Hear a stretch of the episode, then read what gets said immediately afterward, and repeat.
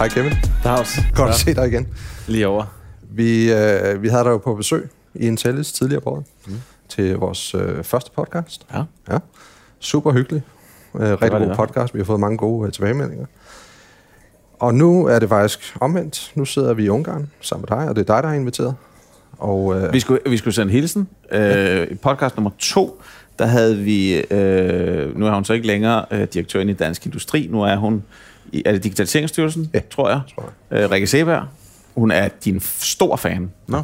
Og hendes øh, børn også stor ja. fan. Så hun var ret imponeret over podcasten og har lyttet til den. så og, nu har vi da en lytter. Ses. Ja. Perfekt. Så vi skulle hilse for hende. Tak for. Nå. Så tak for, at vi må komme med. Ja. Øh, vi tillod os at invitere to gæster ekstra med. Ja. Anders og Anders. Tak fordi I må komme med. Tak fordi vi må komme sådan. Tak, Søren. Og Stig. Ja. Intellis. Og det er jo lidt som, du ved, den der lidt uheldige onkel til familiefesten, ikke? Og så er okay. vi så begge, begge to med, ikke? Så, så vi undskylder, hvis, øh, hvis det har været lidt øh, Det er bare jo. turbulent. Hvem også, er også er den onkel, du Jeg omtaler tror, det er der, begge så? to nu. Ja, Ja, det er to i en. det er Anders. Det er Anders. Modtaget.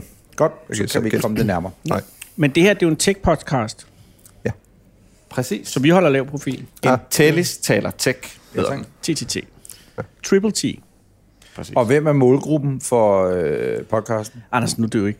Jamen, det må jeg godt spørge. Ja, okay. Jamen, det må du det er gerne bare mere, jeg har jo ikke skrevet under på noget, kan jeg sige. Ja, okay, så det er sådan et, hvem er det egentlig? Øh, Kevin, sidst du var med, spurgte du drengene, hvem er målgruppen? Ja, hvem taler jeg til? Hvem er det, jeg taler tror jeg til? faktisk, han gjorde. Var Rasmus, din manager, inde over os og sige, prøv at høre her, øh, målgruppe teknisk, det er ikke den rigtige målgruppe, eller også kommunale ansatte, perfekt målgruppe. Ja. Nej, altså den målgruppe her, det er jo øh, nok nogen, der er tech-minded. Mm. Og øh, det er jeg jo i og for sig også. Jeg er måske sådan i den her tech-verden, øh, i den branche, jeg er i, en af de mindst tech-minded, men det siger nok mere om de folk, jeg arbejder sammen med, end det siger om mig. Øh, det er jo nogle virkelig nørdede folk, og det, det kan I jo i hvert fald sætte pris på. Det er noget med at, at udvikle og altså bare være, være hurtig til at, og, øh, at blive effektiv. Mm.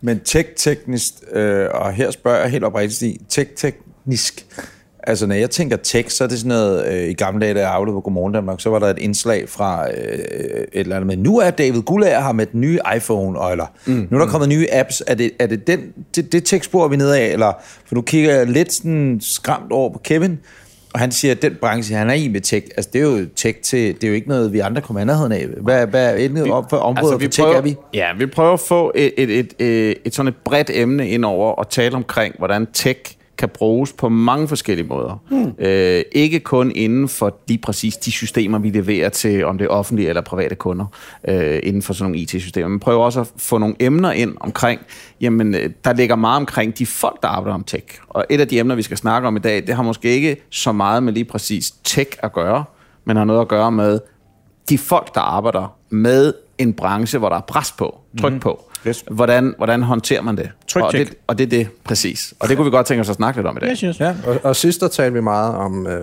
det, vi kalder machine learning i vores Ja. sprog. Robotteknologi. Øh, det her med at opsamle... Ja. Det er også det. Det skal man være meget opmærksom på. at opsamle en frygtelig masse data og blive klogere på brugermønstre og andre ting. Og det gør man jo også i Formel 1. Altså det vil I så se, når I kommer ned øh, i Kevins garage på et tidspunkt. At der står sådan nogle computer, der bare samler data ind fra de her biler. Ikke? For at blive klogere på, hvordan kører bilen, når nu nærmer sig et sving, og hvordan reagerer den i forskellige øh, mønstre på banen, og hvordan styrer Kevin det her. Og alle de der input, det er jo en frygtelig masse data, som så igen bliver brugt til, forhåbentlig, at gøre Kevin klogere på, at jeg skal gøre sådan her, jeg skal rette det her op måske for at Blandt For andet, at køre endnu mere Anders, optimalt. man bremser ned, når man går ind i et sving, og gasser op, når man kommer ud af et sving. Ja, så langt er det godt. Fornemt. Det er faktisk rigtigt sagt. Ja. Det er det første, computeren fortæller dig. Ja. Ja. Men nu Nå. tænker jeg, øh, at jeg vil smide et spørgsmål ind, fordi nu, øh, nu ved vi jo, at du blev far, Kevin. Og stort tillykke med det. Ja, tillykke, Tillykke med det, Kevin. Ja. Tak. Øh, Og tillykke til Louise, ikke mindst. Ja, ikke mindst. Ja. Det er jo hende, der har taget det slæb. Præcis. Og, og, Det er jo også, det er jo også der Kevin sidder med i det. Budapest jo. Nå ja, men... præcis. og lille. Agnes. Lille Lille Agnes er Agnes, kommet til verden. Ja. Men noget, som jeg synes kunne være interessant, om man bare lige runder det en gang, det er jo, øh, og hvis vi starter med dig, Kevin, det er jo den her del omkring, hvordan balancerer man med sådan en topkarriere, som du har, sammenholdt med, at man også gerne vil have et privat og et familieliv, øh, sammenholdt med, at man, man også vil nyde godt af et privatliv i familielivet. Øh, hvordan gør man det? Udover du selvfølgelig, vi har snakket om tidligere, at du har nogle gode venner omkring dig, og mange af dit team er jo nære øh, venner i mange år. Ja, altså det er jo en travl kalender. Der, det, der, det, der er sværest, det er jo, at der er så mange dage, hvor jeg er helt væk, hvor jeg ikke bare kommer hjem om aftenen. Så det er jo ikke ligesom at have et arbejde, der er travlt. Der kommer man trods alt hjem og sover klokken, så kan det godt være, at det er sent på aftenen, men man så kommer hjem. Men så kommer man hjem og sover i en seng og står op, eller hvad det nu er. Øh, der er ligesom noget kontinuitet, hvor her, der, der er jeg væk i de her store øh, perioder. Mm. Eller, for, jeg synes, det er store perioder, men det er stadig kun et par uger og så videre. Ja. Ikke? Men øh, når jeg så er hjemme, så er jeg til gengæld også virkelig hjemme. Mm. Så er jeg fri. Altså, jeg har jo virkelig mange ferier igennem sådan et år. Og, øhm, og det er jo så det, der ligesom kan veje, veje det op. Vi får lidt diskoløs her, mens vi sidder og snakker. Det er rigtig, når lyset går op og ned. Det er, ja. dag, sådan. det er et gammel bygning, det spørger måske lidt. Det er tydeligvis ikke LK Næs meget på teknisk Lars Knudsen-kontakter, de har afbryder. Mm. Præcis. Det er jo værre, når, når lyset forsvinder, fordi så er det tit, man er ved at dø. Ja. Så det er ikke det. Nå, vi skal lige have færdig. ja, du skal have den. Hvordan, men, men, men når du siger det, hvordan... Øhm, øh, har du nogensinde været stresset? Eller været bange for at blive stresset, fordi der simpelthen er for meget på tallerkenen? Øh, ja, altså jeg, jeg, har, jeg har godt kunne mærke, at der nogle gange har været så meget run på. Øh, og, og det der, når man sådan mm, er, er bagud med nogle ting, men altså omvendt, så er det jo også ret simpelt, det jeg laver. Altså det, både over, ikke? Men du ved, jeg skal jo ikke nå så meget andet end en, en hurtig omgangstid. Øh, så jeg tror egentlig måske, altså, jeg vil nok ikke sige, at jeg nogensinde har været til på at være stresset som sådan. Det er nok mere bare sådan, du ved, det der afsavn, der er til familie, venner, øh, det pres, der, der kan være for at præstere, mm. det, det er nok de ting, der ligesom har været mm, måske stressende. Men det er ikke sådan i forhold til tidsnød. Altså, når jeg hører andre være stresset på et arbejde, så fordi de ikke når det, de skal, altså de er bagud. De, de kommer ikke i mål med deres opgaver. Nej. Og det, det er ikke sådan, jeg har det nogensinde. Der er nok bare det der pres, der ligger. Det psykiske pres for, at åh, altså de bekymringer, der er, kan, kan, kan jeg præstere godt nok. Øh, hvornår kommer jeg næste gang hjem? Nu skal, nu skal jeg afsted i tre uger, jeg vil gerne have været med til det og det og det og det mm. derhjemme. Eller sådan, de der, den slags bekymringer. Men det, altså, det, er nok ikke, det er nok ikke stress, øh, jeg lider under. Tror du, de bekymringer bliver værre, nu når Agnes er kommet til verden? Altså en mere? Ja, helt sikkert. Mm. Men det er en velovervejet ting. Det er noget, jeg har øh, øh, sammen med min kone besluttet, at, at jeg godt kan klare. Altså, og det er jo også virkelig... Det er nok det er nok nemmere for mig, end det er for min kone. Ja. Det, er, det er ligesom hende, der står alene med to, to børn, ikke? og jeg tager ud, og så, jeg, så bliver der taget lige så meget af mig, som der gør Agnes derhjemme. Ikke? Når jeg er afsted, så, ja. så, så skal jeg virkelig ikke tænke på noget som helst. Jo. Ja. Så altså, på, øh, på mange fronter, der er det hende, der, der slæber øh, det tungeste læs. Ja. Men har hun en mand, må jeg spørge noget, har hun en, nu siger jeg manager, eller en fixer, har hun, altså, det kunne være bedstforældre, altså dine forældre, øh, hvad hedder det, hendes egen forældre, eller et eller andet, det er jo tit det, det ved du også, Anders, du har 75 børn, ikke, hvad ja. du ved af, ja, øh, at, at, og jeg kan sige, hjemme ved os, vi har tre børn, øh, og den yngste af dem, hun har haft sådan lidt skoleværing, og du ved, været meget hjemme og sådan noget. Og hvis vi ikke havde haft mormor, det er mormor. stor kærlighed til Mona, så havde, havde der været mere stress på, end der ellers kunne være. Altså det der med at have sin, du siger bare manager, fordi din manager sidder lige herovre bagved, øh, altså have den der hjælp i hverdagen, ikke? Ja, det har vi fra familie. Altså, vi, vi er ikke sådan... Øh, du ved, vi har ikke nogen øh, tjenestefolk eller barnepiger nej, nej, nej, eller nej, nej, eller noget. Det ville altså. godt at have nogle tjenestefolk. det gad man godt, ikke? Ja. det, kunne, det kunne være rart nogle gange, ja. men, men øh, Louise klarer det, klarer det selv, sådan set, ikke? Med, med hjælp fra den nærmeste familie, men, men øh, der er jo andre, altså, der er jo andre kører, som, som har... Øh, som har børn og, og som har full, full-time nannies, som et eller andet sted tager sig af deres børn og, og opdrager dem. Men det, det, det er jeg glad for at kunne sige, at Louise ikke behøver. Hun virker som en rigtig stærk kvinde, Louise. Ja, det er hun. Altså, du omtaler ja. hende ofte som, som en, der virkelig, hvad skal man sige, kan man sige det, har din ryg. Altså virkelig Helt bakker dig op, ikke? Jo, jeg har, jeg har et rigtig godt bagland. Øh, ja. nogle, nogle gode folk omkring mig. Øh, mm. Øh, det, det kræver det at være i, i sådan en sport her. Øh, ikke, altså det er jo, vi, vi, vi skal gerne pakkes ind som sådan nogle små skøjbelige væsener, fordi mm. det, vi skal bare kunne, kunne være til stede i at performe. Altså ja. det, det er jo sådan lidt, i, i alle andre øh, positioner vil man ikke behøve at blive pakket sådan ind i vat. Ja. Øh, men fordi man er op imod nogle andre, som virkelig også som bliver pakket ind i vat, så er man nødt til, man er nødt til at kunne være lige så klar og, og parat, som, som de er. Jeg synes også, altså nu har vi jo været sammen i dag fra, fra i morges kl. 8. Øhm, og en af de ting, jeg når det er, du blev far igen i fredags, ja. eller i lørdags, undskyld. Ja. Og vi har torsdag nu, ikke? Jeg tænker, evnen til at fokusere og være der, hvor man skal være, og så videre. Det må også være sindssygt vigtigt, og det kan jeg så mærke på dig, at du kan, når du sidder i den der bil i morgen og skal køre. Mm. Hvordan føler du, at kan du, kan du mærke forskel? Er det sværere at fokusere nu, end, end, end du ved, hvis ikke du havde et barn, der var 3-4 dage gammel? Ja, yeah. ja, det er det jo. Altså ja. nok i et eller andet omfang. Ja. Men jeg tror også, at... at Men når først du øh, sidder der? Når, det, det, det, altså lige så snart... Jeg tror, det, det er under, undervejs. Altså ja. måske, at når man ikke er i den der zone, som man er i, når man har hjelm på at sidde Præcis. i bilen, og når man, når man er til møderne, eller i interviewsene, eller altså i mellemtiden. Der, der er det nok, at, ja, at der tankerne vandrer, ja. men, men når man er i bilen, så er det ligesom, ja. om man kommer ind i sådan en uh, helt automatisk, uh, instinktiv uh, verden, altså sådan en mode, man, man ikke helt selv styrer. Man har sådan ja. lidt, lidt styring, men, men det meste er autopilot ja, ja, ja. på en eller anden måde. Man kan også sige, det er meget, meget, meget få mennesker på denne jord, der får lov til at køre Formel 1 det er de ypperligste af de ypperligste kører, for det første, og du skal ikke bare være knusende dygtig, du skal også, som vi snakker om i podcast, du skal også være heldig, øh, og være de steder på de rigtige tidspunkter, udover at du selvfølgelig har et kæmpe talent. Øh, så man, jeg kan ikke lade være med at tænke på, at du må også, selvfølgelig nu er hun bare 4-5 dage gammel, nyde på en eller anden måde at få det bedste af begge verdener, om man, om man kan kalde det det, ikke? Få lov til at køre det fedeste, fedeste i hele verden, som folk vil give næsten deres øh, fødder og arme for. Og så også samtidig øh, vide, at på søndag, når du flyver hjem, så skal du hjem til Agnes og, og være der. Så skal du selvfølgelig til og Laura og, og Louise, og så skal du så til spa, og så er der sommerferie, og så kan du være nogle flere uger. Altså, Klar. det må også på en eller anden måde give den der, at, at du kan få lov til at gøre begge dele, ikke? Helt sikkert, ja. Det, det er jo vanvittigt uh, privilegeret, og mm at, at være Formel 1-kører. det, det liv, der følger med, er jo super, super uh, privilegeret, men som alt andet, så, så, er, der, så er der forside og bagside af, af, af, af alt. Altså, mm. der er ikke noget, der, der kommer gratis, kan man sige, og det, det gør det heller ikke her, men, men jeg vil dog tage det her job over rigtig mange andre jobs alligevel. Ja. Så, men jeg, må jeg sige noget? Jeg tror faktisk, det er lidt ligegyldigt, om man er Formel 1. Det, det handler om, det er jo, nu lyder jeg parforholdsekspert, men nej, at, at øh, i dit og Louises forhold, der er det din karriere, der kommer først. Hjemme hos mig, der er det min karriere, der er kommet først, om man så må sige, øh, og det har det også været hjemme hos dig, Anders, i lang tid, ikke? Ja, øh, øh, ja, nej, ja, ja, nej, men også tidligere og sådan noget. Altså det der med, at øh, man, man startede, altså da jeg mødte Line, der var jeg i gang med natholdet, men det først eksploderet sådan, altså det der med, at, så det alt er ligesom bygget efter ens. Jamen, jeg er ikke hjemme, for jeg er i Jylland til et foredrag, eller sådan noget, du ved. Ja.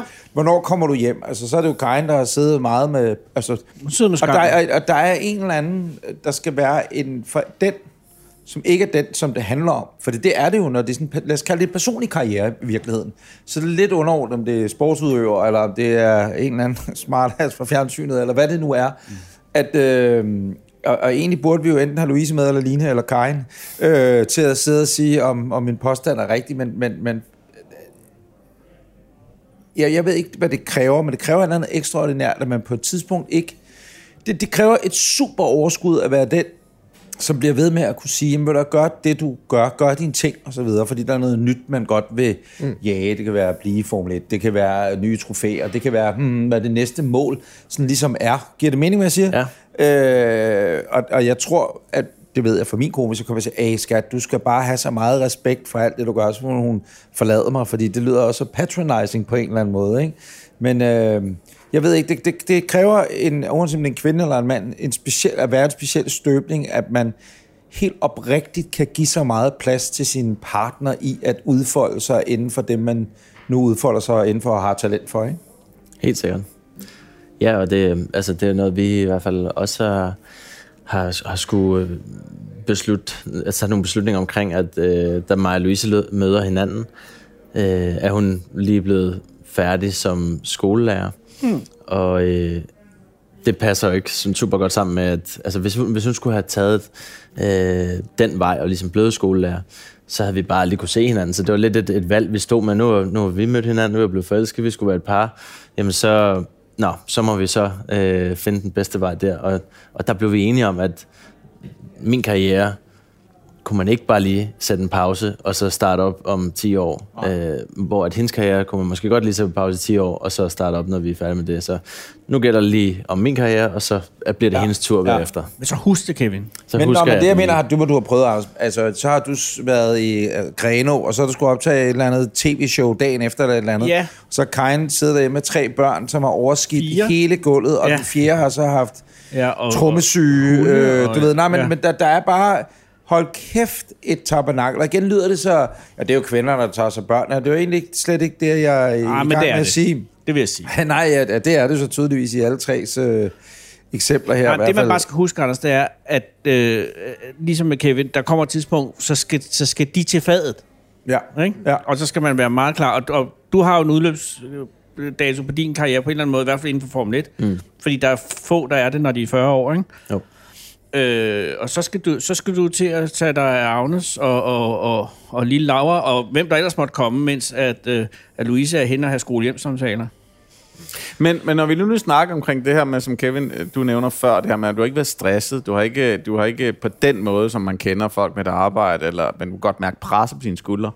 Øh, og, og jeg spurgte dig, om det var okay, øh, Breinholt, og jeg stillede dig spørgsmålet, men du var jo på et tidspunkt nede Ja. Med sokkerholderne, ikke? Det var jeg. Hvad, hvad skete der? Jamen, jeg øh, havde været inde i en lang periode, som måske nok ikke bare var et halvt år, som jeg først troede, det var til ham. Det var bare lige et halvt år, hvor jeg havde haft lidt for meget at se til. Så det havde opbygget sig over flere år. Øh, og så sker der det i det specifikke halve år, det må have været 19, sidste halvår af 19, at øh, faktisk det starter også i foråret, og startede meget før det, men efter foråret 19, efteråret 19, undskyld, der begynder jeg, altså jeg har et stramt program. Øh, jeg laver natholdet, og det kører egentlig meget fint. Øh, som sådan, det kører, som det har gjort i mange år med at møde op, lave programmet, og det er rimeligt kører sig selv. Øh, redaktionen er super fed rigtig dygtig. Jeg kunne møde op og bare gøre optag, skride igen. Fordi så var det nemlig, så skulle jeg også til Greno og lave noget for Nordea, eller et, altså sådan nogle de der konferencier, værtsjob, Øh, samtidig med, at jeg også skulle lave sådan noget råd, der gik på TV2. Samtidig med, at øh, jeg også havde nogle andre ting, og knæk cancer, tror jeg. Og så skulle jeg så også lave et show sammen med Sofie Linde, som var planen, at vi øh, skulle have premiere på og lave, øh, jeg ved ikke hvor mange øh, forestillinger på Avenue Teateret og så videre. Alt det håber sig bare op.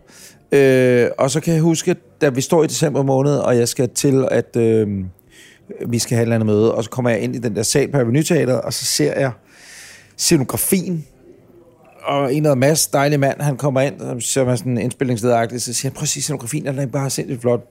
Og så får jeg sådan, øh, jeg får nærmest også tynd spæt i, i halsen nu her.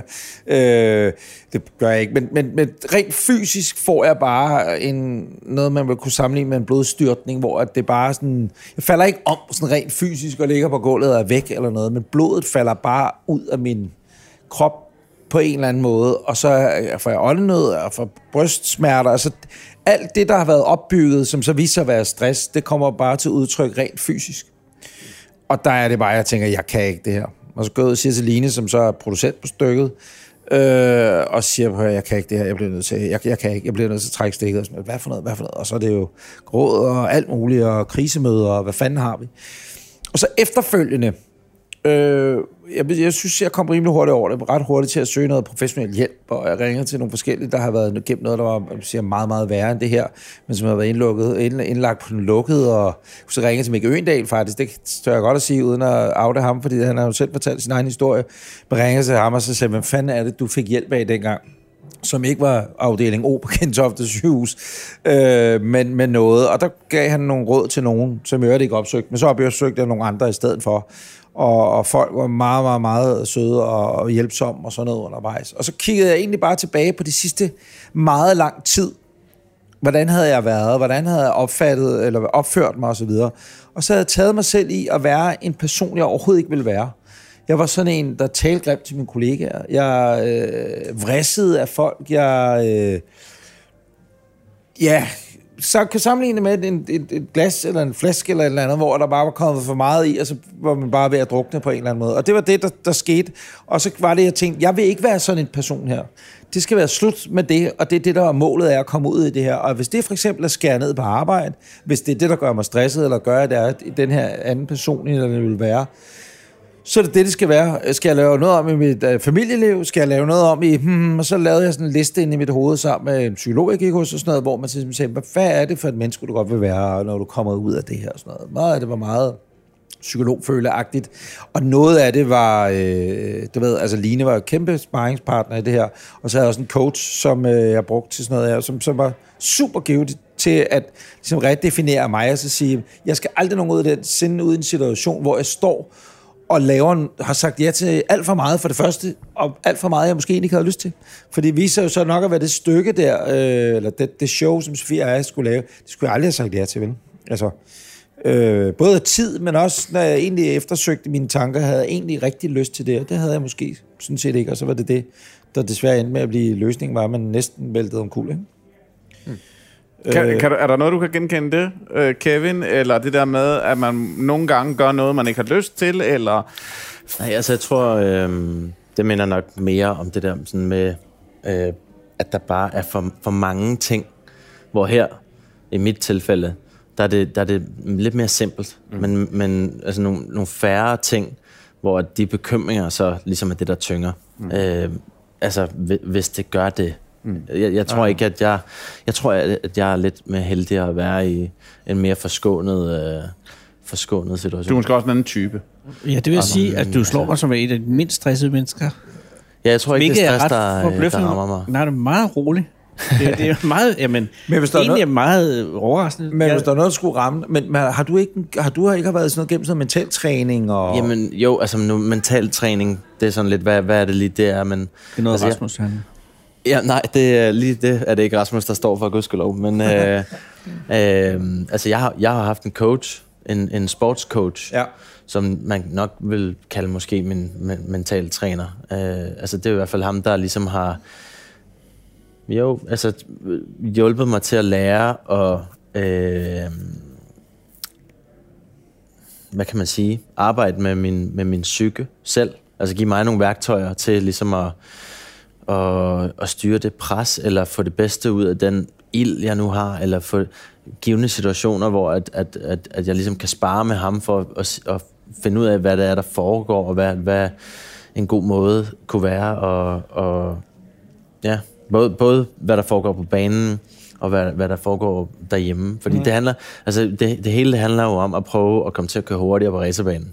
Det er ligesom det, det hele det drejer sig om. Så nogle gange så har jeg jo været i, i situationer, hvor jeg har tænkt, okay, jeg skal have styr på det her med, med den her kæreste, eller den her kammerat, øh, eller hvad det nu er, sådan, øh, problemer ude for banen. Ja for at, at jeg kan fokusere bedre og køre bedre. Så det er også sådan lidt kynisk på en eller anden måde, ikke? men det har dog givet mig en, en masse værktøjer, bare det her med at snakke, snakke med en kyndig person, som, som har nogle, nogle redskaber, som ja, har hjulpet mig på banen, men som jeg nok i og for sig øh, er endnu mere glad for at, at have fået på det personlige plan. Ja, ja.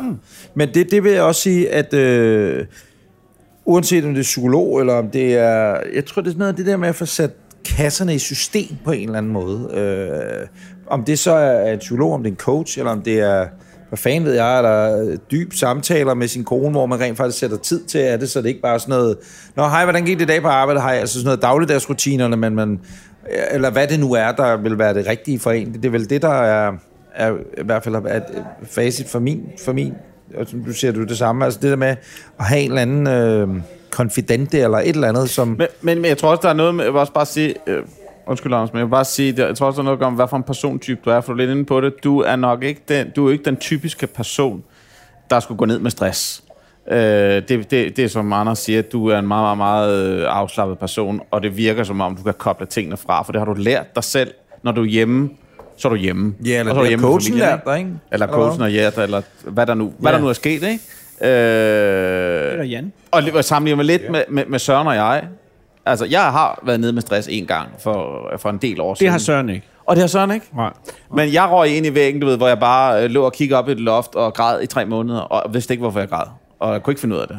Øh, og måtte til en psykolog og finde ud af, hvorfor jeg græd. Og, Var det, var det psykologen, der hjalp dig, Stig? Eller hvordan, hvordan Ja. var... Øh... Ja, ja, det var, det var psykologen, der, der hjalp mig lidt, som du siger, med at sætte nogle ting i system.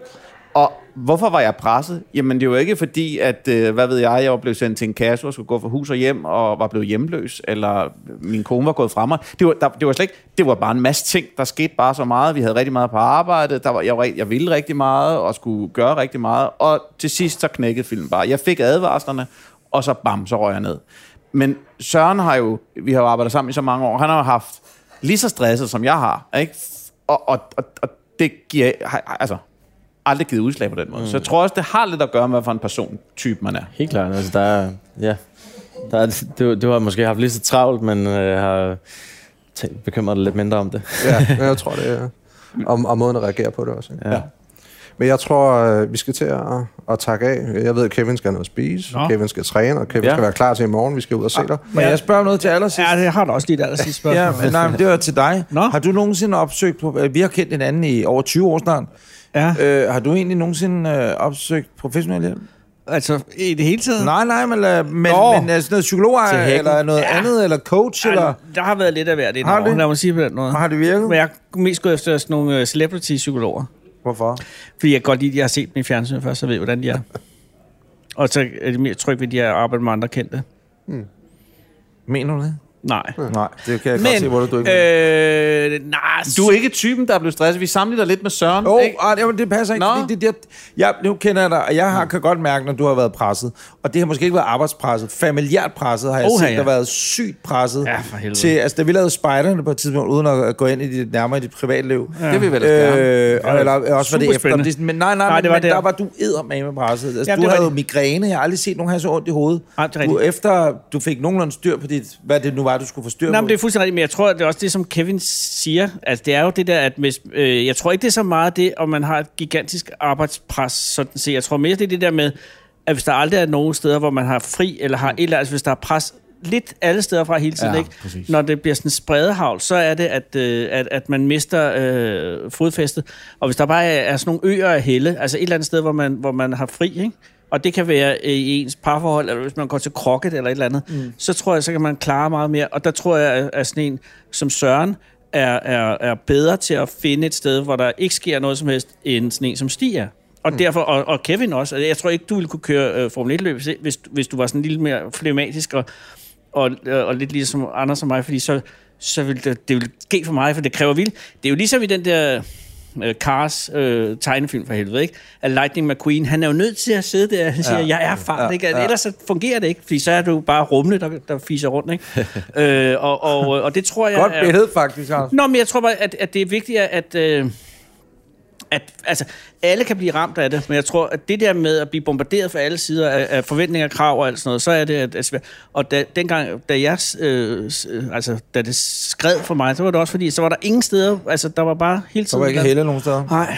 Og nu har jeg øh, sådan ekstremt øh, stort helle i, at øh, når jeg er hjemme hos, hos min familie, så er alting, så er havfruen der, og så er alt, Men det kan man mærke. godt. Det kan man virkelig mærke. Jamen, så kan man udholde, eller så kan jeg udholde stort set alt, ikke? Ja. Øhm, og det er meget svært, og det er enormt rart. Kevin vil, vil, tænker lige på det andet. Jeg kunne sige, han havde lige på læberne.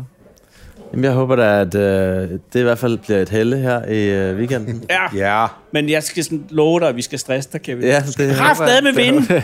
Nu gør vi det, at øh, vi stopper for nu. Ja. Øh, vi kommer til at fortsætte med øh, Anders og Anders øh, i løbet af weekenden og Ja, tale ja. lidt mere, og vi følger lidt mere op på det. Vi skal tale lidt mere om det. Ja.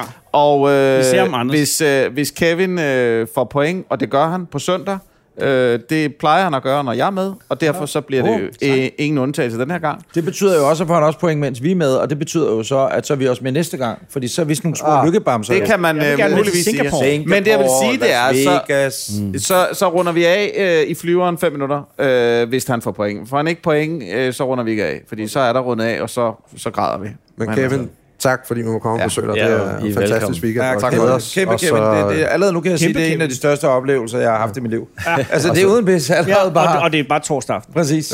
Ja. Og Men nu skal du så øh, op og træne nu, klokken halv ni om aftenen. Han skal, Jeg skal lige prøv lige, han skal have noget mad, han skal have et bad øh, sikkert senere, han skal træne, og nu stopper vi. Og ikke Giver noget- Nikolaj der massage, skal jeg lige vide.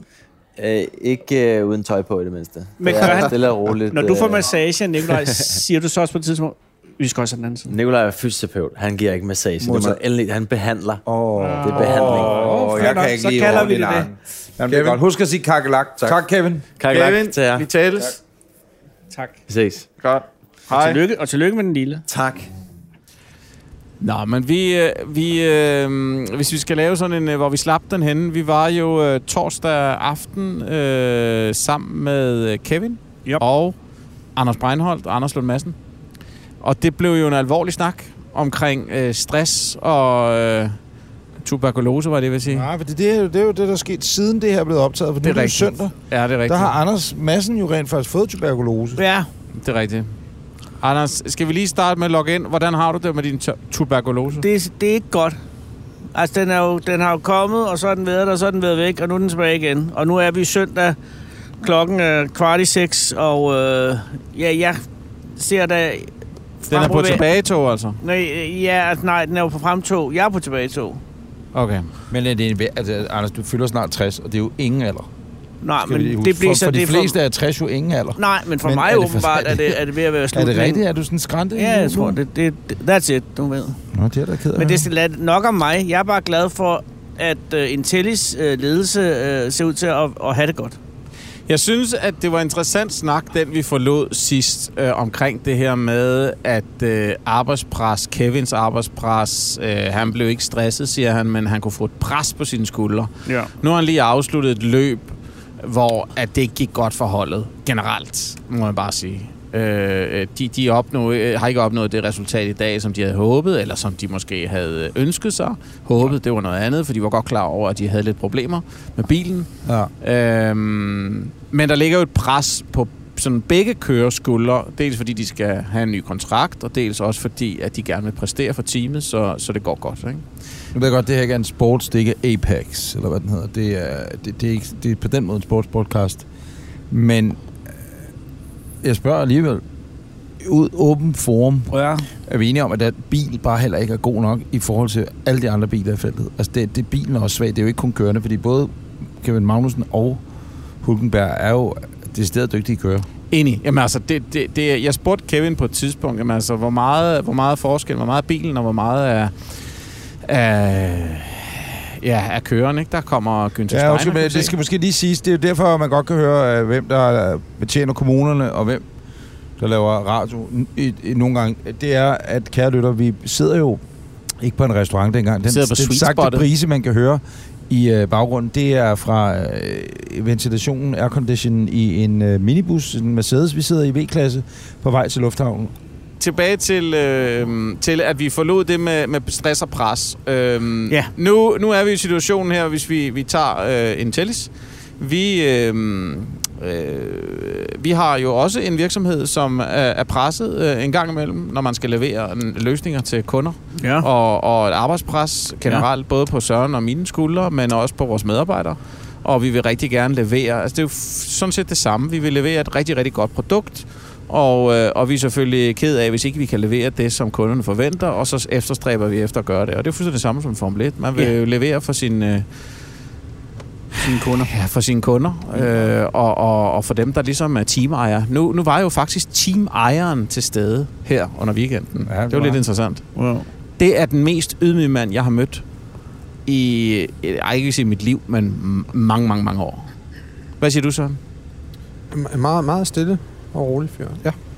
Jeg tror, at det, man ikke skal tage fejl af, det er, at øh, han er en ældre mand. Ja. Øh, han har vist også Der er været ikke syg noget galt i at være en ældre Nej, mand. nej, nej, men, men han har rigtig faktisk været syg jo. Nå, nå. Øh, og altså, han er jo, han har jo Haas. Det er ham, der ejer Haas. Nå, jeg tror det var en sygdom, der hed det. Så jeg tænker, at han, øh, altså, han er- kommer fra, jeg aner ikke, hvor Haas kommer fra. Hvor er det fra? Det er amerikansk. Ja, men Midtvesten er Jeg det. gætter hvor- på noget Michigan, Ja, Missouri et, men, men du ved, han er måske uddannet smed. Alt, hvad jeg siger, nu har jeg intet belæg for at sige, men jeg siger det alligevel. Uddannet kleinsmed, startede på stansemaskinerne og har lavet de fede værktøjer. Alt er godt. Og så har han bare, ding, ligesom Svendborg Breaks, så har han ramt den lige i røven, du. Ja. Og så sidder han her nu, og fordi han så er mange milliardær, for det må man nødvendigvis være for at være med i det her game. Men han er ikke så stor milliardær som nabovognen eller holdet. Det var Aston Martin, øh, og han, altså, er, er jo en mand, det ved jeg, jeg aner ikke, hvor mange penge Haas har, men, men det er eddermame en vild rigmandssport at kaste sig ud i, i Ja. forhold til, hvor mange penge det er koster. Og Haas, jeg ved ikke, om de bruger nok penge i virkeligheden. vi, vi har jo meget med det offentlige at gøre. Og, øh, og derfor så valgte vi jo, at I har været gode venner af huset. Øh, snakkede vi nogensinde i vores første podcast, det rundede vi vel aldrig rigtigt, hvordan, øh, hvordan det her det kom i stand. Gjorde vi det? Nej. Det kan jeg simpelthen ikke huske. Det er noget, der foregik i torsdags, og jeg kan ikke... Øh... Jamen, jeg er ret sikker på, det gjorde vi ikke. Nej, det tror jeg ikke, vi gør.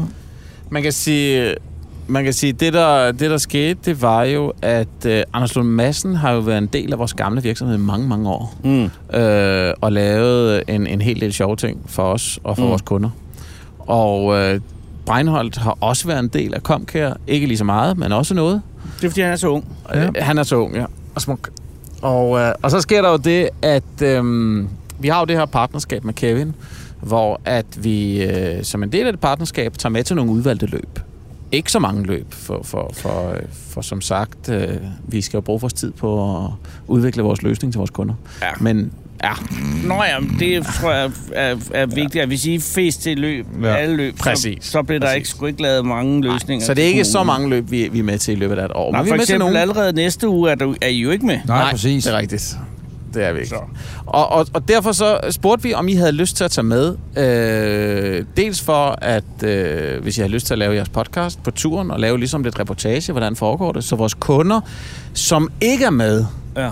kan gå ind på jeres podcast og høre, Ja. hvordan det foregår sådan en weekend. Ja. Og derfor vil vi jo, hvis vi skal lave et reklame tilbage, Anders og Anders podcast. tak til Podimo. Ind på Podimo. Det er Ja. bare ind og hente appen, du.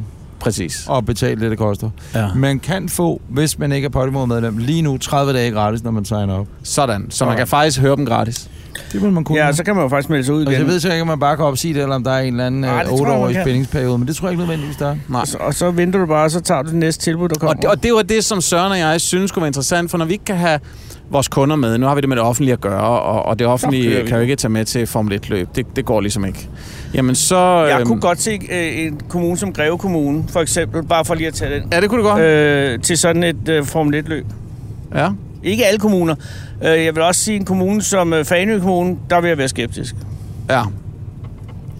Men øh, jeg synes ikke, øh, vi skal gå ind på det, du, fordi Nej. jeg tror ikke, der er nogen kommuner, der, der kan tage med til sådan noget, eller det kan de ikke. Nej, Øh, men de må gerne høre en podcast. Og hvis de hører en podcast, så kan de jo alligevel føle, at de er lidt med. Det er korrekt. Og det var det, som Søren og jeg synes kunne være interessant. Derfor inviterede jeg med. Og det er godt tænkt, og vi altså, var og- meget og glade. Det, der heller ikke vil ske ved en kommune, vil jeg sige lige nu, øh, det er, at jeg kommenterer nu live, det er, at vi er et felt, der er måske 25 biler, som i øjeblikket er på vej ud fra banen med politieskortet. Øh, det er jo ikke noget, Intellis har betalt. Det er noget, som øh, betales af, hvad Ja, hedder det, ungarske Formel 1, tænker regering. jeg, og øh, NASA eller nogle andre, den ungarske regering. Så lige nu er vi altså en kortege. Der er vi ikke 25 biler, jeg tror, at vi er kortegen med alle kørende, der Jo. nu skal ud i lufthavnen. Det er rigtigt. Det er rigtigt. Øh, man har så ikke ryddet hernede. Ja, det var politiskården, du kom fra. Okay, Stig, hvad handler det her om? Kom. Ja. Det her, det handler om, at... Jamen. Jamen, det Øhm, hvordan, hvordan, øh, hvordan sørger man for at levere god service til sine kunder, når man, øh, når man, øh, når man har med det offentlige at gøre? det er et godt Hvad tænker I? spørgsmål. Det er et godt spørgsmål. Der vil jeg sige, at øh, det er et godt spørgsmål. Og det er derfor, jeg er radio- og tv-vært, og ikke handler med det offentlige, tror jeg. jeg har, når jeg egentlig tænker over det, har jeg aldrig været offentlig ansat. Jeg vil godt sige, jeg har en, øh, en fortid i det offentlige. Som hvad? Øh, jeg har pakket recepter for kommunernes landsforening Og været vaccinatør, ikke? og været vaccinatør. Og det er både regionerne og øh, det kommunale, jeg har ligesom lugtet lidt til. Øhm, og jeg vil sige, det man får øh, i det offentlige, er jo en øh, utrolig fællesskabsfølelse, når det kører. Og, Ja. og der kan jeg sige, øh, øh, øh, arbejdet for Region øh, Hovedstaden med at få vaccineret hele banden der i, for et års tid siden, halvandet, det var overraskende behageligt, fordi at øh, når, når der er mening med, med øh, arbejde i det offentlige, det er der jo ikke altid desværre, men når der er rigtig god mening, så er der sådan en helt utrolig øh, øh, ånd og øh, fornøjelse i at gå på arbejde. Det var jo ikke lønnen, der ligesom hæv så helt absurd meget øh, øh tilfredsstillelse hjem. Men, øh, men det var fandme sjovt at stå derude og være en del af det. Og der vil jeg så sige, vrangsiden af den medalje så jeg nok i kommunernes landsforeningens øh, øh, lager ude i Sydhavnen, men der er vi altså også tilbage i, i 80'erne, hvor det jo var en anden tid, og der, der var det simpelthen ikke så super sjovt, for det bestod jo som i at pakke nogle receptblokke, øh, når der var praktiserende læger rundt omkring, som skulle have, som så havde bestilt nyt. Og det var, der var ikke helt den samme ånd over det arbejde. Jeg så kan jeg sige, tror, at... Ja, Øh, undskyld, Anders. nej, endelig. Jeg, det slår mig lige. Jeg har faktisk været offentlig ansat, eller kommunal ansat. Du har jo været ansat. Jeg øh, kørte mad ud, da jeg var ung, måske 18-19 år gammel. Meals on Wheels? Til, øh, til øh, de ældre medborgere i Ølstykke Kommune dengang. Så øh, det jeg vil sige, det var, jeg tror, når man handler med det offentlige, så tænker jeg, og det kan I jo svare på, medmindre I ikke har lyst, man skal have rimelig meget tålmodighed, tænker jeg, fordi ting går rigtig langsomt, og det passer jo slet ikke, vi ikke har været offentlig ansat. Vi har været ansat i Danmarks Radio i 1000 år, mand. Hold da kæft, ja. Og det må man sige at være en offentlig virksomhed Der kan du se. i allerhøjeste grad. Men, men du har ret. Altså, men, men, men og det, det, det, jeg vil sige, det er, øh, tålmodighed, tålmodighed, og det samme er det jo med sundhedsvæsenet og så videre. Tålmodighed, tålmodighed, tålmodighed, ikke? Ja. Det, det som, som jeg så vil sige, der er en lille smule, øh, øh, man, man måske skal overveje, når man handler med det offentlige, det er, at hvis du ansætter det offentlige, så Mm. tror jeg virkelig, virkelig ikke, at det nødvendigvis er et fedt sted at være. Og som årene er gået, øh, lad os bare sige sundhedsvæsenet for den sags skyld, så har vi, altså, øh, folk flygter væk derfra, ikke? Øh, jordmøderne i øjeblikket, sygeplejerskerne, sundhedsassistenterne osv. osv., osv. Mm. Så det, jeg tror, man skal have sådan et, ved du hvad, man skal embrace, for at bruge et rigtig fedt udtryk, den offentlige ansatte, fordi at de har det fandme ikke nemt. Nej. Det har de virkelig ikke. Man kan jo sige, det er jo, det, det er jo derfor, vi laver de systemer, som vi gør. Det er jo faktisk for at gøre deres hverdag nemmere. Ja. Altså, de her systemer, vi laver, det er jo nogle systemer, som de decideret efterspørger for at det skal blive nemmere for dem i deres hverdag. Og hvis vi laver nogle systemer, der ikke fungerer, eller der ikke er brugervenlige nok, så er det bogstaveligt talt, de siger til os, at, at så påvirker det deres arbejdsdag. Ja. Ja. For det er så mange brugere, der bruger vores systemer. Det er ikke bare, du ved, 30 eller 50 brugere i en økonomiafdeling. Det er ligesom hundredvis af brugere i kommunen, som bruger. Grunden til, at jeg lige pausede samtalen her også, det er, at øh, politiskorten her er... Altså, der er flere måder at køre politiskort på. Den, vi kører på her, der er en MC-betjent, der er forrest, og det er skide godt. Men så når han har kørt forbi, og hele vores kortese kommer kørende, så virker det lidt som om, at folk tænker, nå ja, men så, så var det det. Øh, også fordi folk kan ikke forstå, at den allerforreste bil i kortesen her, det er en Ford Transit minibus, og folk tænker sådan lidt, det er Varde Kommunes øh, ældreplejebil, der lige nu ligger forrest i Ja. kortesen. Hvorfor for den? Altså, er det Idi Amin? Hvem sidder i den vogn, der er på vej nu et eller andet sted hen? Men nu begynder det at passere op. Nå, undskyld Stig. Så øh, øh, hvad, hvad, vil du, hvad vil du sige, Søren? Hvordan, øh, hvad, er, det, er det største behov, vi har, ikke? Det er, hvordan giver vi øh, god service til kunderne? Er det ikke, er det, ikke det, der er vores... Øh, er det ikke det, der er Intellis mål? At give den bedste service til kunderne? Jo, lave de bedste systemer og give det, den bedste service. Må, må jeg stille et djævelens advokatspørgsmål? Ja. Det tror jeg ikke er den eneste virksomhed, der tænker, at I skal levere den bedste service til kunderne. Det burde jo ligge, øh, være et mantra for alle virksomheder, at man altid godt vil levere den bedste service til sine kunder. Ja, men det er lige med... Det er ikke sikkert, at alle gør det. Jamen, det er rigtigt. Det er rigtigt. Og så tror jeg også, det der med at være tæt på kunderne. Ja. Ja. At vi kender vores kunder. Når de ringer ind til os, så ved de, at det er Stig og Søren og Lasse og så videre. Sådan så, at vi ikke er et eller andet fremmed, kæmpe IT-virksomhed, hvor man ringer ind, og så er der en telefonsvar, der siger, at du har fået sag nummer 1734, vi vender ja. tilbage, når der er nyt. For det er jo sådan, det lyder, når man ringer til kommunen i øvrigt. Men kommunen skal ikke smage deres egen medicin. så ved man, at det er Alice fra Varde, eller, eller det er Brita fra Højtostrup, eller det er Susanne fra Ringsted, eller... Det er meget kvinder, du Eller. Jamen, det ja, eller det er Martin fra Vejen, Okay, eller, ikke? Martin. eller det er Holger fra Ringkøbing Skjern, eller Brita fra Ringkøbing Skjern. Ja. Ikke? Det er ikke Altså- Britta Nielsen, vel? Nej, det er ikke Britta, der er blevet, det er er. der er blevet genansat, vel? Nej, nej, nej, nej. Brita fra Ringkøbing Skjern, hun er det rareste. Ja. Det rareste menneske. Meget, meget, meget sød. Ved jeg, om I har handlet med Britta Nielsen på et tidspunkt i, i løbet af jeres karriere? Nej, fordi vi har ikke handlet med Københavns Kommune, og var hun ikke ansat i Københavns Hun Kommune? var ansat i det offentlige, altså i staten, ikke? Jeg tror, hun var ansat... øh, Nej, hun var ikke kommunal ansat, hun var statslig ansat, men det er også meget. Så er vi ikke handlet med hende. Hun fik jo dronningens fortjenstmedalje øh, for 25 års tro tjeneste. Ja, den blev frataget Øh, øh, de går jeg næsten ud fra, ikke? Det tænker jeg da. Hvad synes I om, øh, hvad synes I om den her weekend og, og Intellis taler tech? Fordi er der noget, den her weekend den består af, så er det jo tech-virksomheder og tech generelt i hele Formel 1. Næste gang, at øh, man er så heldig at opleve det, vi har oplevet den her weekend, som så simpelthen slet ikke kan sættes ord på, hvor, hvor sindssyg en oplevelse det Det er. var tuberkulosen. Lad, lad, lad os snakkes ved om... Ja, nu dør han sgu kraftedet med. Det er mange, vi optager, mens han gør det. Så kan det være... Nej, at, øh, vi... Øh,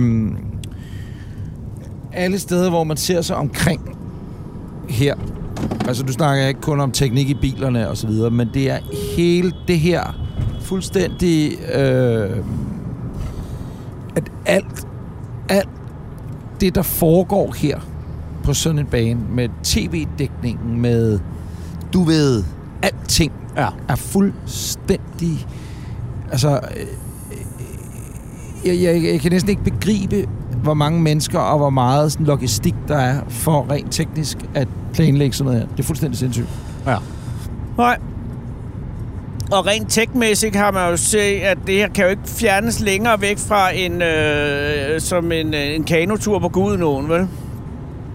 Så er det, der er meget, det er meget teknik, det her. Øh, og derfor synes jeg også, det er jo passende at lave en tech-podcast til Formel 1. Det Og så giver mere vinker mening. politiet. Vinker politiet. Nå, Tak til politiet. skal der...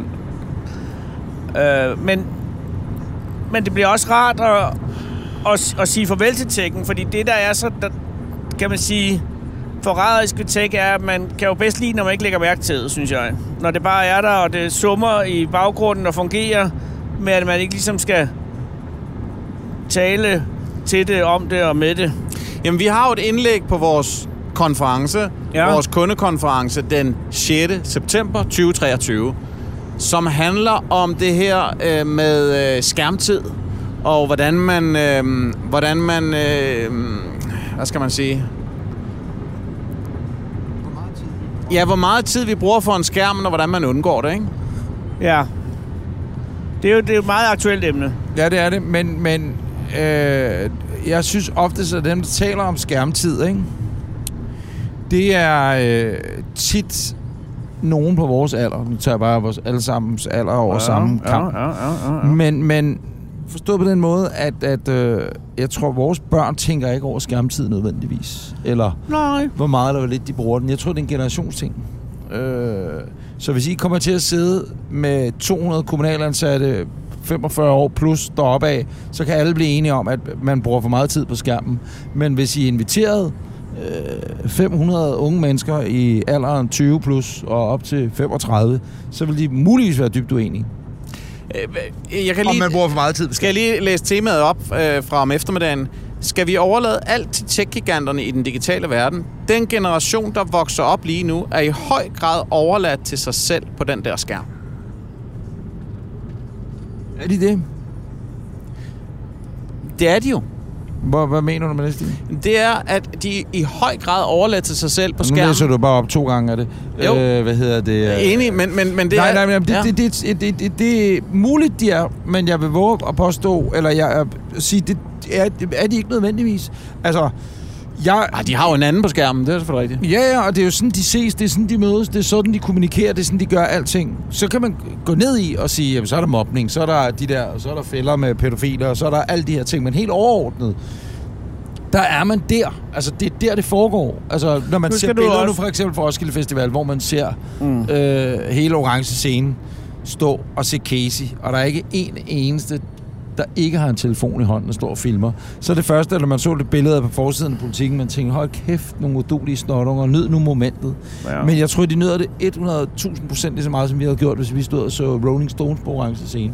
Øh, uden telefoner tilbage i 1998 eller et eller andet. Mm. Jeg tror simpelthen bare, det er den tid, og meget wow, tech, altså det er den tid, vi, vi lever i.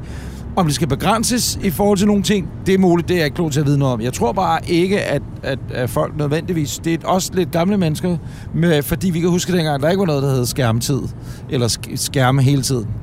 Så jeg tr- tror, indtil om 10-15 år, hvor at nogen, der er dem, som er blevet født for 10 år siden, de er gamle, og er født med en skærm i hånden hele tiden, øh, så vil der være de her, den her kløft, eller hvad man skal sige. Giver det mening? Ja, øh, ja, det giver mening. Men samtidig vil jeg også sige... Øh, nej, først, Anders Lund, du har ret mange børn. Det har jeg. Hvad har du af kommentar til det emne? Ja, men jeg siger, altså det her, øh, det Anders siger er jo præget ret meget af, også at han har tre uh, teenage-døtre, som jeg gætter på er meget på skærmen. Øh, og, uh, og der har jeg uh, ikke pt. nogen teenage-døtre. Øh, jeg har nogle drenge, lidt yngre, og så har jeg nogle, der er ældre, og nogle piger, der er voksne, og nogle, der er helt små. Øh, og de er meget forskellige med hensyn til, hvordan de øh, bruger skærme, øh, alt efter deres køn og alder. Og... øh, og det er jo fuldstændig rigtigt, hvad andre siger, at det er meget illusorisk at tænke på, øh, om hvorvidt det er om det, om, om det er noget, vi skal lade være med, fordi det er jo, det er jo, det er jo meget øh, svært at forestille sig, hvordan det skulle gå den anden vej nu. Men øhm, jeg, er, jeg er ikke enig i, at, at alt med skærm er godt og uafvendeligt. Jeg, jeg tror bare, at det er øhm, noget mere vigtigt, hvad det er, man ser på den skærm, i stedet for hvor meget måske. Og, og, og der kan jeg se noget af det... Øhm, jeg, kan, jeg kan godt være bekymret, hvis jeg ser sådan en, øh, en, en ung mand være øh, 18 timer i døgnet øh, i gang med at spille et spil, som ikke har noget at gøre med virkeligheden. Øh, og jeg tror også, at det bliver en, en anderledes verden, som jeg er glad for, at jeg ikke deltager i, når, når, når virkeligheden ikke spiller den rolle, altså den virkelige øh, analog virkelighed ikke spiller en rolle øh, længere, som, som jeg jo tror vil ske øh, inden, inden for, altså hvis man fremskriver øh, udviklingen, så kan man sige, om det er forkert eller ej. Jeg er bare glad for, at det ikke er min verden, vil jeg sige. Ja, men det, det kan jeg godt følge i. Øh, men det interessante er jo, at den mellemstemme også, hun er lige kommet hjem fra efterskole. På den efterskole, plus på øh, 8 ud af 10 af landets efterskoler, der er der en gaminglinje for eksempel. Ikke? Ja. Og det er jo... Altså, det handler om at sidde og glo ind i en skærm og game og gøre... Altså, du ved, det, øh, det, det, det så, så... Ja, og det er klart, hvis de sidder 18 timer, så er der nogen, der skal losse med røven og sige, nu skal jeg også ud, øh, og I skal have noget øh, D-vitamin, eller hvad solen giver en, og sund koster, og så videre, så videre, så videre. Men, men, men jeg håber, jeg ved ikke, om jeg tror, for det har jeg ikke forstand på, men jeg håber, at det udligner sig selv på en eller anden måde på et tidspunkt. Men hvis vi skulle tage, Øh. tage noget andet, som jeg synes er meget aktuelt i øjeblikket, så hvis jeg for bare få år siden har sagt, at jeg ville være lidt nervøs for, at IT og teknologi vil overtage, og vi mennesker ligesom blev sådan undersåtter i forhold til det. Hvis man så kigger på i dag med alle de øh, robotteknologi og ting, der er kommet frem, bare inden for det sidste halve år. Altså nu har jeg arbejdet med IT i 22 år, 23 år. Og, og jeg synes på den ene side, det er jo vanvittigt fascinerende, hvad, hvad robotter, AI, kan gøre og hjælpe os med. Øh, udføre, regne hurtigere, end vi selv kan, og alle de der ting. Men jeg synes også, det er skræmmende. Jeg synes, vi er ved at nå dertil, hvor man skal sådan til at tænke, ah, skal vi ikke have noget lovgivning på det? Skal vi ikke have et eller andet overordnet sæt regler, et kodex, noget... Det er lidt ligesom... Ja, men, ja, ja. Men, men lidt ligesom GDPR'en, den kom ret sent, og jeg ved godt, GDPR, som jeg øh, øh, ingenlunde heller har forstand på, men øh, at det var noget, der var rimelig omsaggribende for alle brancher, øh, alle steder, øh, og det ene og det andet. Men det gode var, at det kom, kan man sige. Øh, men jeg tror også, der er bare sket det med teknologiens fremskred, det er, vi er fucking ligeglade. Vi sætter flueben, og vi ved godt, at Google, øh, Apple og hvad de hedder alle sammen, de har alle vores informationer, og det er med et øje, for, eller mål for øje, det er at samle al øh, ja, data om os, så det kan de sælge videre til nogle andre, og så videre, og så videre, og så videre. Der er ikke nogen, der har lejet et lime-løbehjul ud, fordi det skulle være nemmere for os at komme igennem byen. Det har de gjort, fordi der er nogen, der kan indsamle en masse data og viden omkring, hvordan vi transporterer os rundt i byen, og hvor vi gør det henne, fordi at så kan nogen købe de oplysninger, og så sige, så sælger vi endnu flere bannerreklamer op der, hvor der er der flest, der færdes fredag eftermiddag kl. 16 på vej hjem i metroen, eller hvad ved jeg, ikke? Øh, det er der også bare sket over de sidste... Øh, jeg tænker nogle gange over, når jeg signer op til en eller anden ny app, og så siger jeg, nej, appen må ikke spore mig. Men så er det jo sådan, at de sporer mig jo alligevel, eller du ved. Mm. Og der tror jeg bare, der er sket det, at med tiden, der er vi blevet mere og mere ligeglade. Og igen, nu ser vi de kommende generationer, altså, that's part of the game. Det er sådan, vi gør det. Giver det mening? Altså, du Ja. ved. Det giver mening. Men jeg ved ikke, øh, fordi hvis foredraget, øh, eller indholdet der, eller hvad det hedder, er, at, at øh, det handler om, at At de ikke må være man- på skærmen, eller hvad? Det, det, så, det, det jeg ved det ikke. Hvem, hvem, hvem er laver indlægget, Stig? Jamen, øh, det gør højst sandsynligt ham, du sidder bagved dig. Det er Søren. Nej, det er Anders. Lund Madsen. Hvad fanden, ved mig. du om, hvad fanden ved du om det? Jeg er glad for, at du spørger, Anders. Øh, jeg er øh, kant med... Jamen, kommer der nogen, han skal spørge om ting, der ved noget om det? Jeg har tænkt mig at google det. Jeg googler det fem minutter før. Ah, det synes jeg, det er fair nok. Det synes jeg er en god idé. Det er jo meget subjektivt, så emnet ved, altså... Øh, du har, Men- men, han men- har jo lige svaret på det, du ved. Prøv at høre. Øh, Prøv at høre. Vi kan, jo tage, vi kan jo tage en helt anden kontrast. Jeg snakkede med, med Anders Lund her forleden dag omkring det der programudsendelse, han lavede om, om den her aktiv dødshjælp. Ja. Som er fuldstændig ligeglad med skærmtid og mobiltelefoner, skærm generelt, fordi han fik en, en, øh, en palle i hovedet og, og kunne hverken øh, se eller gøre eller røre eller gøre noget. Øhm, så alt er jo relativt, ikke? Ja. Og så kan man jo sige, hvis han nu havde siddet det meste af sit liv og spillet computerspil 18 timer om døgnet, og så får han den der palle i hovedet, så kan han være ked af at sige, at det var ærgerligt, at jeg ikke brugt lidt mere tid øh, på, på noget af det, som, som måske også kan være Du er, en gammel, du er en gammel mand, Stig. Jeg er ked af at sige det. Jamen, det godt Øh, Du, du snakker som en gammel mand, øh, eller ikke som en gammel mand, forstår mig ret. Du taler, som rigtig mange kommende generationer ikke forstår, hvad det er, du siger. Fordi ja. de ikke forstår, at hvad er det så? Skal de ud og dyrke noget sport? Det er den næste. Jeg siger, unger, kom ud og dyrke noget sport, så kigger de på mig og siger, du er en gammel mand. Fordi Ja. det, det, var det, vi gjorde, da jeg var barn, og så er det næste, du skal sige. Fordi hvad er det, de skal gøre, der er anderledes? og så er jeg hvor kommer nødt- det fra, når så, du siger det? Så er jeg nødt til at sige, forskningen viser sig jo, at det ikke er godt, at de ikke dyrker mere sport, end hvad de gør. Nej, men vi fik også at vide, at vi fik firkantede øjne, når vi så for meget fjernsyn. Jeg, jeg gik... Hey, hey. Jeg gik i gymnasiet med en, der fik firkantede øjne. Han hed Jan. Ja. Nej, men og jeg forstår alt, hvad du siger, Stig. Det er, og jeg er kun irriterende, fordi at, at øh, klart, målgruppen, der kommer til jeres seminar, en kommunal ansat, jeg ved ikke, hvad gennemsnitsalderen er på, på dem, der kommer. De yngre, Øh, okay, modtager, hvad er gennemsnitsalderen? Jamen, øh, det er, skulle vil jeg, det, det, jeg, svært at sige, men der er jo rigtig, rigtig mange i det kommunale og inden for indkøb, øh, der er blevet ansat, og de er i 30'erne. Modtaget. Så er det bare interessant, hvordan de har det med det.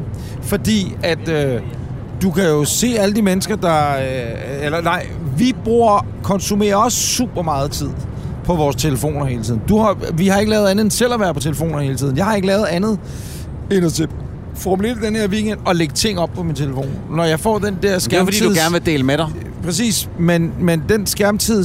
Øh, så har jeg været for meget på skærmen i den her weekend? Ja, det har jeg Det er da. et godt spørgsmål, og Det man har kan også sige, vi har 100% også, været. Vi har for en gang skyld stået et sted, hvor man kunne se racerløb i virkeligheden, og alligevel må vi konstatere, at det er sgu bedre at se det på en skærm. Præcis. Man ser og så bedre. står vi og filmer det øh, for at lægge det op, ikke? Ja. Altså, så så det, det er måske et meget godt billede af, at øh, ja, vi var for meget skærmtid, men... men, men øh, Men det kan man jo allerede huske. Altså, jeg kan huske den gang i 90'erne, hvor jeg var til landskamp inde i parken, og så sagde hold da kæft, mand, hvor jeg vil jeg gerne hjem og se det her i fjernsynet. For man kan ikke se, man er det et mål, så, så er det inde, og så har man lige Ja, kigget ja, væk, så ja. det kommer ikke i replay. Og jeg er nok farvet af, at et, jeg har tre teenage børn, døtre, som er Har meget skærmagtige. har du givet op? Øh, det har intet med det at gøre. Og Nej. så har jeg de sidste 11 år prøvet at være rimelig på forkant i forhold til noget med Somi, i forhold til indhold og så videre øh, via natholdet.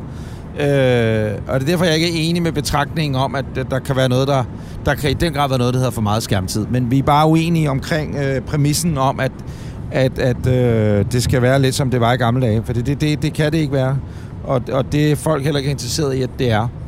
Øh, det er klart, hvis folk spiser dårligere, fordi de sidder foran skærmen, eller der er undersøgelser, der viser, at de ikke gider at gå ud i virkeligheden og dyrke gymnastik og fodbold og badminton og gå til spejder, hvad det ellers være på grund af skærmen, så skal der klart sættes ind over for det. Ingen tvivl om det. Det er det ikke også derfor, at de overvejer, og, og det, det er jo derfor, de vil for, forbyde øh, skærmtid i... Øh, er det ikke de meget mindre klasser, vi hørte? Det ved jeg ikke. Jo. Det, det ved jeg ikke noget. Øh, det, det, var det, det, var- det var det, jeg, jeg hørte, at, at de ville. Altså, jeg kender nogen, der producerer øh, gaming på fjernsyn. Og de sender ud fra Glostrup, hvor der ligger, eller Brøndby, hvor der ligger et kæmpe studie derude. De sender gaming-fjernsyn øh, x antal gange om ugen. Der er 35 millioner mennesker, der sidder og ser med. Det er det mest sete tv-program, der måske nogensinde er lavet, eller udsendelser, der er lavet ud af Danmark, er øh, ud af DR, ikke? Og øh, de er bare igen et bevis på, at når der sidder 35 millioner, der går op i gaming, og sidder og kigger med på Twitch, så det er jo bare, altså, forbruget er bare over på en skærm, i stedet for at vi sad på et fjernsyn og så det, nu sidder vi glor på vores telefon og ser det. I har stået til Formel 1 i denne her weekend, og så har du haft en telefon op, hvor du kunne se laps omgangstider på Ja. F1-appen, eller hvor det er, du har set Ja, fjernsyn ja, henne. ja, ja. Den skærmtid kunne du også godt have undladet at have haft, fordi du kunne have set det på skærmene rundt omkring dig i virkeligheden. Hey, og At det jeg her, kunne så, det, ikke, ikke helt den samme data, men, men jeg, det havde ikke været nødvendigt at sidde og glo Nej. ned på den skærm, Nej. for at sige. Og- Og, der kunne du og- også have formindsket skærmtiden. Men det har du ikke Ja. ja. behov for. Det har du ikke lyst til, fordi du får den information fra den skærm, og det er, ikke, er der intet forkert i. Nej. Det, det, det er måske Men det. øh, hvad, hvad synes du om det, de gjorde til Coldplay-koncerten? At han stopper op, øh, det gør han hver eneste koncert, så stopper han lige nummeret op, Ja. og så siger han, kan I ikke bare prøve, bare for ét nummer, læg jeres telefoner ned i lommen. Den her sang, vi skal spille nu, den ligger på YouTube flere millioner gange. I kan bare gå derind. Vi behøver ikke, I behøver ikke optage den og lægge den op flere gange. Kan vi ikke bare prøve at lægge telefonerne ned, eller jeres kamera ned, Men nu skal bare jeg lige en enkelt det handler om noget helt andet. Det handler om, at du står med 35, 40.000, 50.000 andre mennesker inde i parken, og en del af et fællesskab, hvor at man godt må lægge telefonerne. Altså, det er noget helt andet, synes jeg. Hvor det er sådan... Hvad er forskellen Øh, på det og så et Formel 1-løb? Jamen, Det er, øh, forskellen er, at jeg står sammen med dig og fire andre, og så nogle ildelugtende tyskere i øvrigt, øh, der stod ved siden af os inde, i, meget. inde i pitten. Øh, det er Nico Rosberg, eller det hedder han ikke, øh, øh, Griffenbergers, øh, hvad hedder det, ildelugtende sponsorer. Nej, at, at øh, du står til en koncert. Du må give mig ret i, der er ikke samme stemning til et Formel 1-løb, øh, end en, hvor vi stod, som der er øh, til en Coldplay-koncert. Det havde det Enig. muligvis været, hvis vi sad over på tribunerne. Men det kan ikke sammenlignes. Hvad med en fodboldkamp ind i parken så? Landskamp? Ja, 50.000. men der er folk heller ikke særlig meget på telefonen. Synes jeg.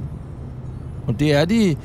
Altså, det er klart, vi lever i en verden, hvor at vi godt vil forevige ting og dele det med vores venner, enten for at få opmærksomhed, eller fordi man oprigtigt gerne vil vise, øh, hvor man er og hvad der sker, og dele den glæde eller sorg, man har med noget, ikke? med nogen, øh, og dem, der så følger en sine venner. Ikke? Nu er det de færreste mennesker, der har mange følgere på deres kanaler, øh, du ved, altså almindelige mennesker, eller hvad man skal sige. Jamen, jeg synes, at det er fint. Vi bruger jo vores telefoner hele dagen lang. Meget af det på arbejde og har ting, vi skal ordne og lægge op på øh, Facebook og Instagram og alt det der. Øh, Det, jeg er ked af, det er, når man sidder på en god restaurant en aften sammen med nogle gode venner.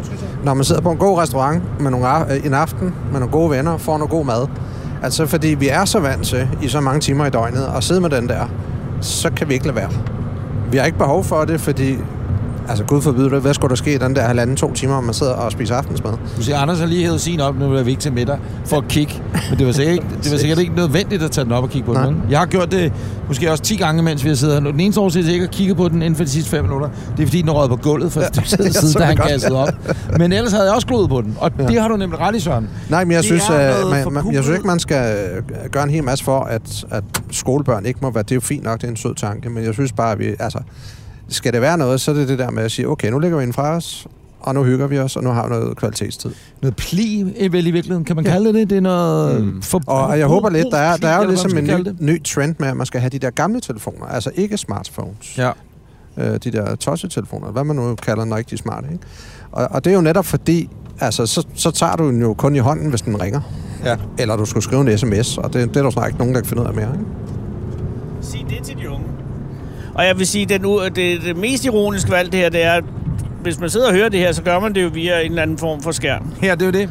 Så det, I skal gøre nu, kære jer, der sidder og lytter det her, det er sluk. Og så skal man tilmelde sig til den 6. september. Ja. Øh, og høre Anders Lund Madsen fortælle om skærmtid. Jeg kan desværre meget. ikke komme, øh, ellers ville jeg kommet. Jeg skal faktisk lave noget for den danske regering. Jeg er i lommen på Regeringen? regeringen. Omkring skærmtid. Øh, nej, det, jeg ved ikke, hvad det er. Jeg er blevet hyret til at lave noget roadshow med dem. I hele Spændende. landet. Fire dage i træk, eller uger et, et eller andet. Det kan være, hvis, jeg, hvis det foregår i Fredericia samme dag, så kommer jeg altså forbi. Med Mette, Jakob og... Hvad hedder den Og- sidste? og Lars Lars for helvede jo selvfølgelig. helvede. Er, er det os sammen Lars Jacob Løkke? er der. Det er Lars Lykke, det er Mette Frederiksen og Jakob Ellemann. Men, men det er jo Mettes forslag, det her med skærmtid og neddrosle og så videre. Det tager jeg med ind. Det synes jeg, du skal gøre. Okay, og resten, Aftale. det vi ses. Det har været rigtig hyggeligt at have haft jer med. Prøv at høre, det har Fanden, været... det har været øh, hyggeligt at være her. Jeg vil sige, Intellis har givet Anders og jeg, øh, sammen med Kevin og Haas-holdet og alle de mennesker omkring hele det her setup, Og MoneyGram, synes jeg har givet os en øh, MoneyGram, når du skal vide, hvad jeg skal penge. Øh, det er først nu, jeg tør at sige den vittighed, hvor Jamen, vi er langt væk fra, fra Haas Thiele. Lidt risky business, vil jeg Nej, jeg vil sige, at øh, jeg... Øh, hvad, hvad nu? Hisser du dig op? Hvad Vi lukker ned nu. Ja, det gør vi. Øh, jeg, jeg, det, jeg vil sige, det var, jeg vil bare takke jer for, at vi må komme med på den her tur. Det har været en oplevelse for livet, simpelthen. Intet mindre. Jeg vil også takke. Tak. Tak selv. Tak Ja. Søren. Tak Stig. Tak Intellis. Tak til Danske Kommuner. Moin. Moin.